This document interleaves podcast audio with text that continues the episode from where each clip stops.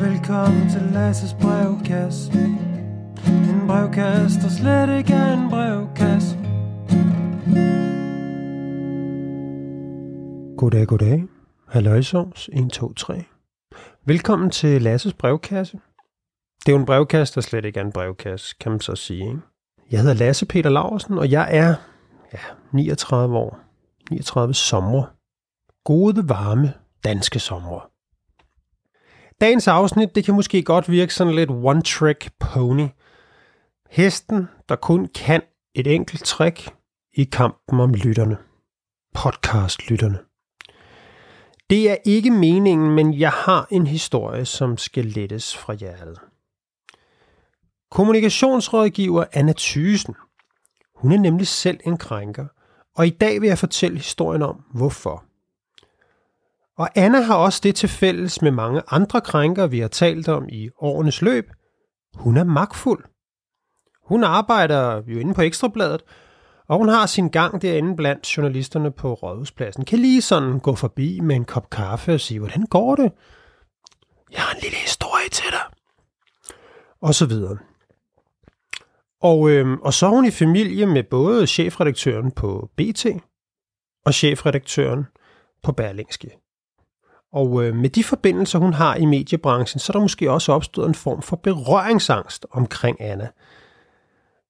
Men sådan en form for berøringsangst har vi altså ikke her i brevkassen, der slet ikke er en brevkasse. MeToo-sagen, det er en vigtig sag. Det er købet en meget vigtig sag. Og øhm, MeToo har sat fokus på utilstedelige kulturer på arbejdspladser rundt om i foreninger, og sådan set også mange andre steder, hvor der har været det her enten formelle eller uformelle magtforhold. Før MeToo, der, der vidste vi ikke rigtigt, hvad vi skulle stille op, øh, når, vi, når vi oplevede krænkelser, eller når vi så dem, eller hørte om dem. Vi havde sådan set lidt øh, et døvt øre, om man så må sige. Og efter MeToo, der har det øre fanden ned med fået et øreapparat på. Du. Og det virker. Ledelserne rundt omkring, de har nogenlunde forstået, at krænkelser de skal tages alvorligt, og hvis de ikke bliver det, jamen, så får det altså konsekvenser for dem, der bestemmer. Og det er jo godt.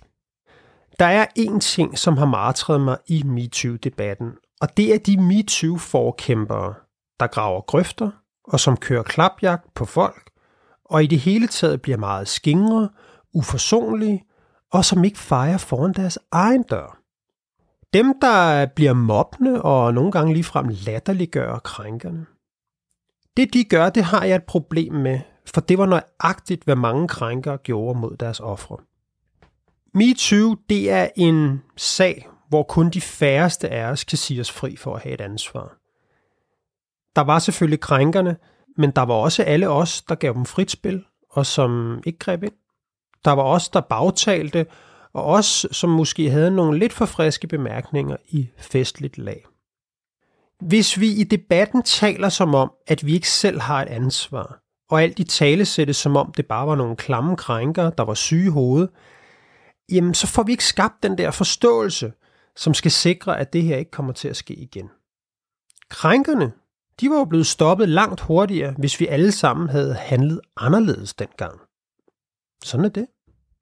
Da jeg så dokumentaren om krænkelserne på TV2, så var det også det indtryk, jeg fik, at de kvinder, der stillede sig frem, slet ikke var interesseret i at udstille deres krænker og nævne dem med navn. De ville sætte fokus på en usund kultur med al den kompleksitet og de nuancer, der er i sådan en. Så vidt jeg ved, så ville ingen af kvinderne i dokumentaren, der havde været udsat for alvorlige ting, have den tidligere nyhedschef på TV2, Michael Dyrbys navn frem. Og han var jo altså anonymiseret i den her dokumentar. Men kommunikationsrådgiver Anna Thysen, hun havde lige fået nyt job på Ekstrabladet, og måske skulle der en sensationshistorie i kassen til hendes nye arbejdsgiver. I hvert fald så afslørede hun Dyrbys navn, og det lød sådan her. At jeg er til julefrokost og tager hjem ved et-tiden og er i, i rimelig sådan, undskyld jeg siger det nærmest chok over, hvordan sådan en julefrokost, altså stemningen, altså ekstremt løsluppen og ekstremt sådan seksualiseret. Og jeg tænkte, jeg skal bare hjem herfra.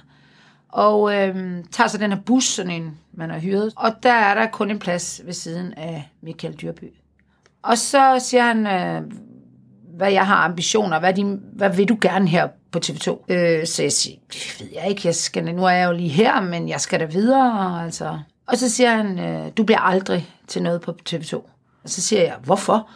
Og så siger han, fordi du er for gammel, og fordi du er for rapkæftet, og fordi jeg ikke vil knæppe dig.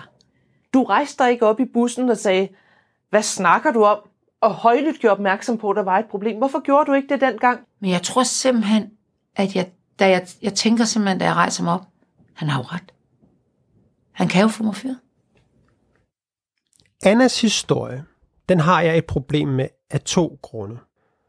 For det første blev den brugt til at kuppe agendaen fra de kvinder, der virkelig havde været udsat for noget frygteligt på TV2, og som faktisk ville ændre usunde kulturer i samfundet. Og for det andet, fordi Anna ikke er et hak bedre selv, end det hun anklagede Michael Dyrby for. Da Anna og jeg i sin tid optog podcasten Ugens Krise, og var i studiet en dag, så kiggede en person ind og sagde hej sådan lidt uformelt. Anna hun fortalte vedkommende, at øh, hun skulle være ved at blive en stor stemme i, i MeToo-debatten. Folk ringede til hende, og ofre og alle mulige andre kontaktede hende. Men hun var begyndt at blive lidt bekymret for, hvad der kunne komme frem om hende selv.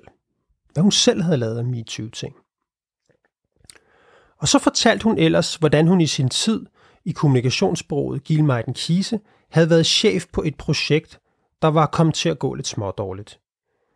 Hun havde derfor kaldt de tre unge mænd, der arbejdede på opgaven, ind i et mødelokale, og så hun beordret dem til at stille sig op på en række. Og de her mænd, de gør, hvad Anna siger, og stiller sig op på en række. Og så spørger hun ud i lokalet, hvem af dem hun skal sutte den af på, for at få lavet noget i det her firma.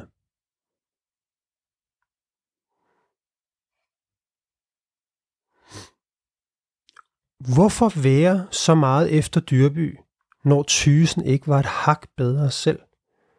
Hvorfor stjæle opmærksomheden fra dokumentaren, når ingen af de andre kvinder ønsker det?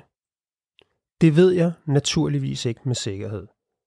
Men jeg synes, det var påfaldende, at det skete efter Anna havde forladt BT og succespodcasten Det vi taler om. Og efter hun lige var blevet ansat på konkurrenten Ekstrabladet. Det var Ekstrabladet, der breakede historien om Dyreby, og kom med store artikler, videoer og hele svineriet. Efter Ekstrabladet havde breaket historien, blev Anna Thysen ved med at holde gang i jagtgrøden. Hun deltog i alle former for tv-shows, avisartikler, radioprogrammer. Ja, Anna, hun var alle steder med hendes dyrby-historie. Og hun lavede også en nytårstal i Femina, hvor den ikke fik for let. Mit navn er Anna Thysen. Jeg er 56 år, og jeg gider ikke mere pis. For fire år siden kendte jeg ikke begreber som MeToo, sexistisk kultur, sexikane og magtmisbrug. Men så begyndte historierne at pible frem. Ikke én eneste gang har jeg tænkt, at det var bagateller. At det har været snærpede eller sarte kvinder, der stod bag alle de mange oplevelser. Klamme oplevelse. Og det er lige præcis det ord, vi har brugt. Klam. En klam chef, en klam kollega. Vi havde ikke andet. Og jeg chefer, der var røvhuller, men dygtige røvhuller. Nej, I var bare skide dygtige til at være røvhuller. Tak for alle kampene, og rigtig godt nytår. Skål. Det var dengang. Vi skal kun et par uger tilbage. Der delte Anna Thysen et billede af Jesdorf Petersen, Peter Olbæk, Frank Jensen og Nasser Carter samlet til en middag på privat område, hvor privat område er en restaurant i København. Anna hun bragte billedet øh, på sin Facebook-profil under hashtagget Hvor er Dyrby?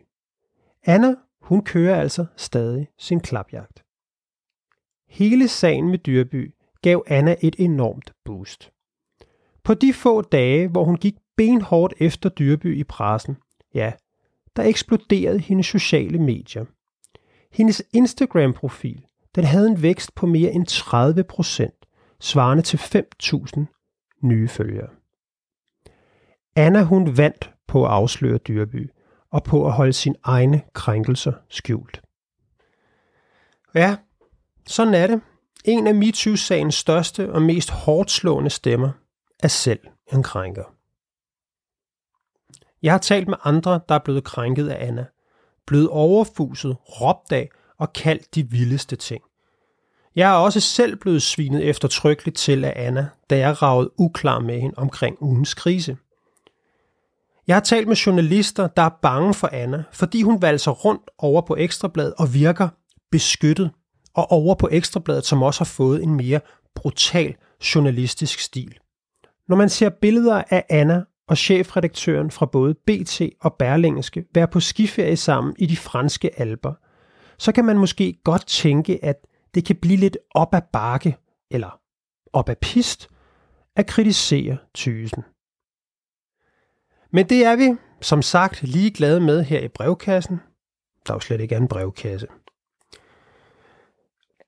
Ekstrabladet de lavede jo den her historie om Michael Dyrby, og de har også for lidt siden lavet historien om TV2-verden Cecilie Bæk, som knaldede en ung fotograf-elev på TV2.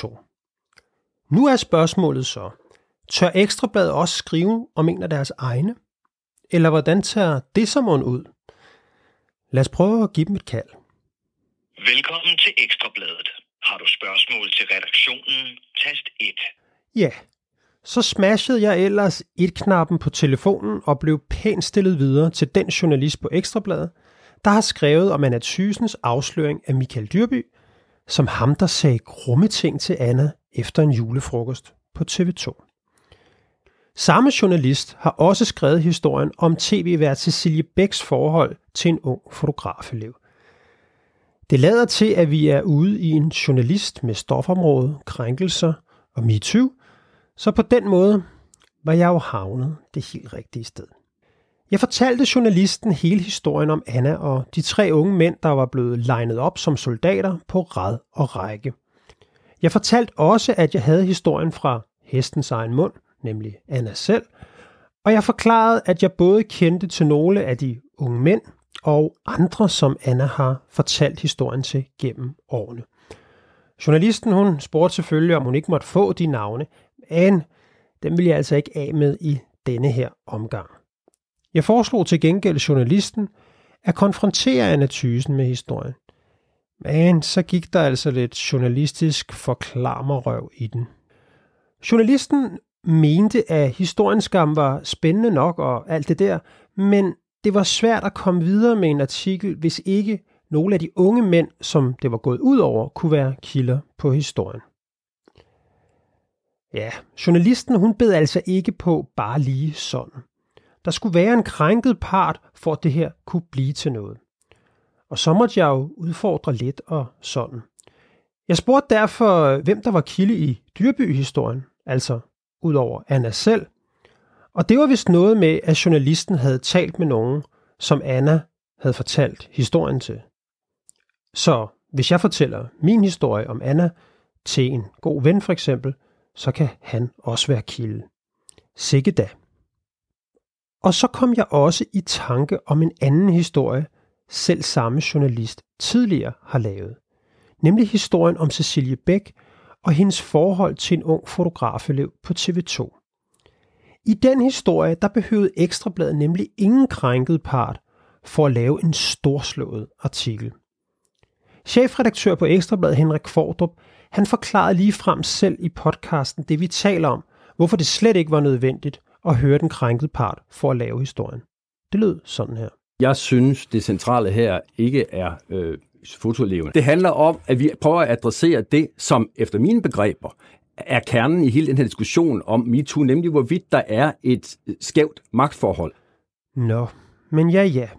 I den små 10 minutter lange samtale, jeg havde med Ekstrabladet, kom der altså ikke klarhed over, hvorvidt historien om Anna Thysens sutpikparade er stærk nok til spalterne i avisen med det dukfriske slogan, når ingen andre tør. Men vi får vel syn for sagen en af de nærmeste dage. Jeg har naturligvis forsøgt at få chefredaktør Henrik Kvordrup til at stille op til interview om MeToo og Ekstrabladets dækning af forskellige krænkersager. Og også konkret om denne her sag, hvor det er en af avisens egne medarbejdere, der står for skud. I talende stund er Henrik Kvordrup endnu ikke vendt tilbage. Ja, det var alt for brevkassen, der jo slet ikke er en brevkasse i denne omgang. Husk, at du kan følge med på Instagram og på Facebook, hvor jeg synger lidt med mit næb fra tid til anden. Mange tak, fordi du lyttede med. Hvis alt går vel, så ses vi om en uges tid. Så er det slut med Lasses brevkasse. En brevkasse, der slet ikke var en brevkasse. Jeg håber, vi ses igen.